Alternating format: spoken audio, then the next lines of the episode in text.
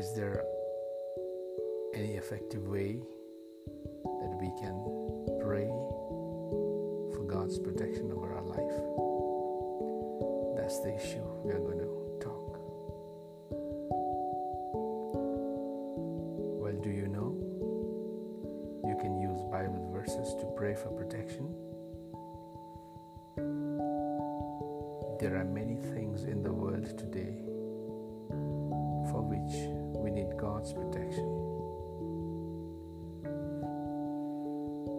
to pray for protection against pandemic, against accusation, against losses, theft, spiritual attacks, and many more.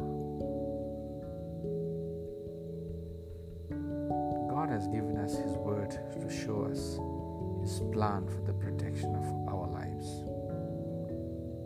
The best weapon we have against danger is to pray for protection.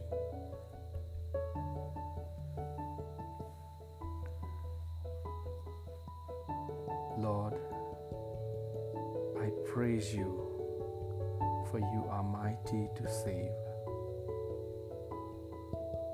Protect my life,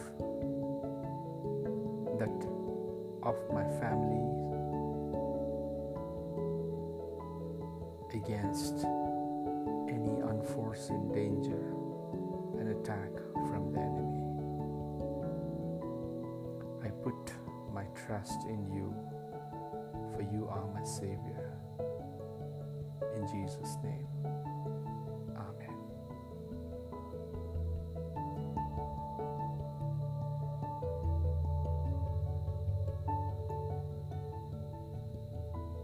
Psalm 59, verses 1 and 2. Deliver me from my enemies, O God. Be my fortress against those who are attacking me. Deliver me from evildoers and save me from those who are after my blood. Psalm 64 1 and 2. Hear me, my God, as I voice my complaint. Protect my life from the threat of the enemy. Hide me from the conspiracy of the wicked, from the plots of evildoers. Psalm 35, 23 and 25. Awake and rise to my defense. Content me, content for me, my God and Lord.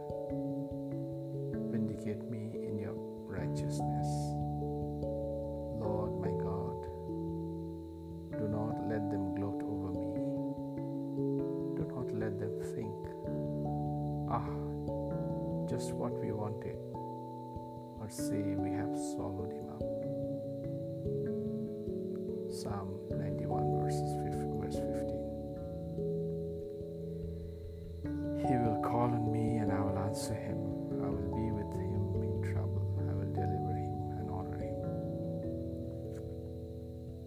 Ephesians chapter 6 verses 10 to 17. Finally, be strong in the Lord and in his mighty power. Put on the full armor of God so that you can take your stand against the devil's scheme. For our struggle is not against flesh and blood, but against the rulers, against the authorities, against the powers of this dark world, and against the spiritual forces of evil in the heavenly realms. Therefore, put on the full armor of God, so that when the day of evil comes, you may be able to stand your ground. And after you have done everything to stand, stand firm then, with the belt of truth buckled around your waist, with the breastplate of righteousness in your place, and with your feet fitted with the readiness that comes from the gospel of peace. In addition to all this, take up the shield of faith with which you can extinguish all the flaming arrows of the evil one. Take the helmet of salvation and the sword of the Spirit, which is the Word of God.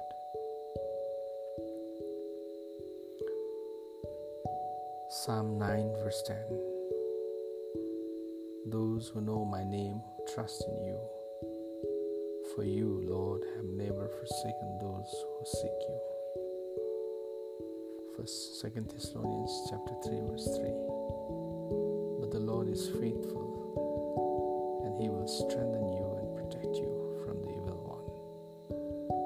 Psalm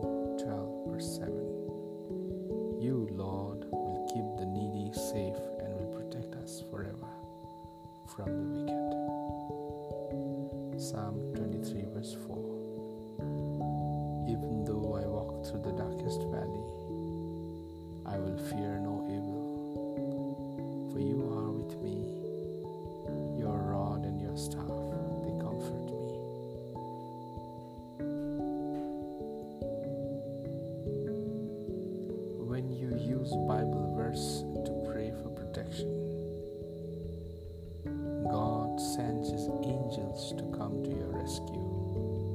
Psalm 103 and 20.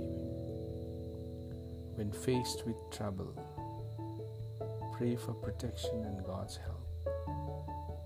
Your prayers are powerful and effective, especially when you pray God's word into your troubling situation. The only way not to be anxious is to pray over every situation. Guarantees that His peace will guard your heart and mind. When you pray for protection, you are averting a lot of negative situations that would wreak havoc in your life. You can then live the abundant life Jesus came to give.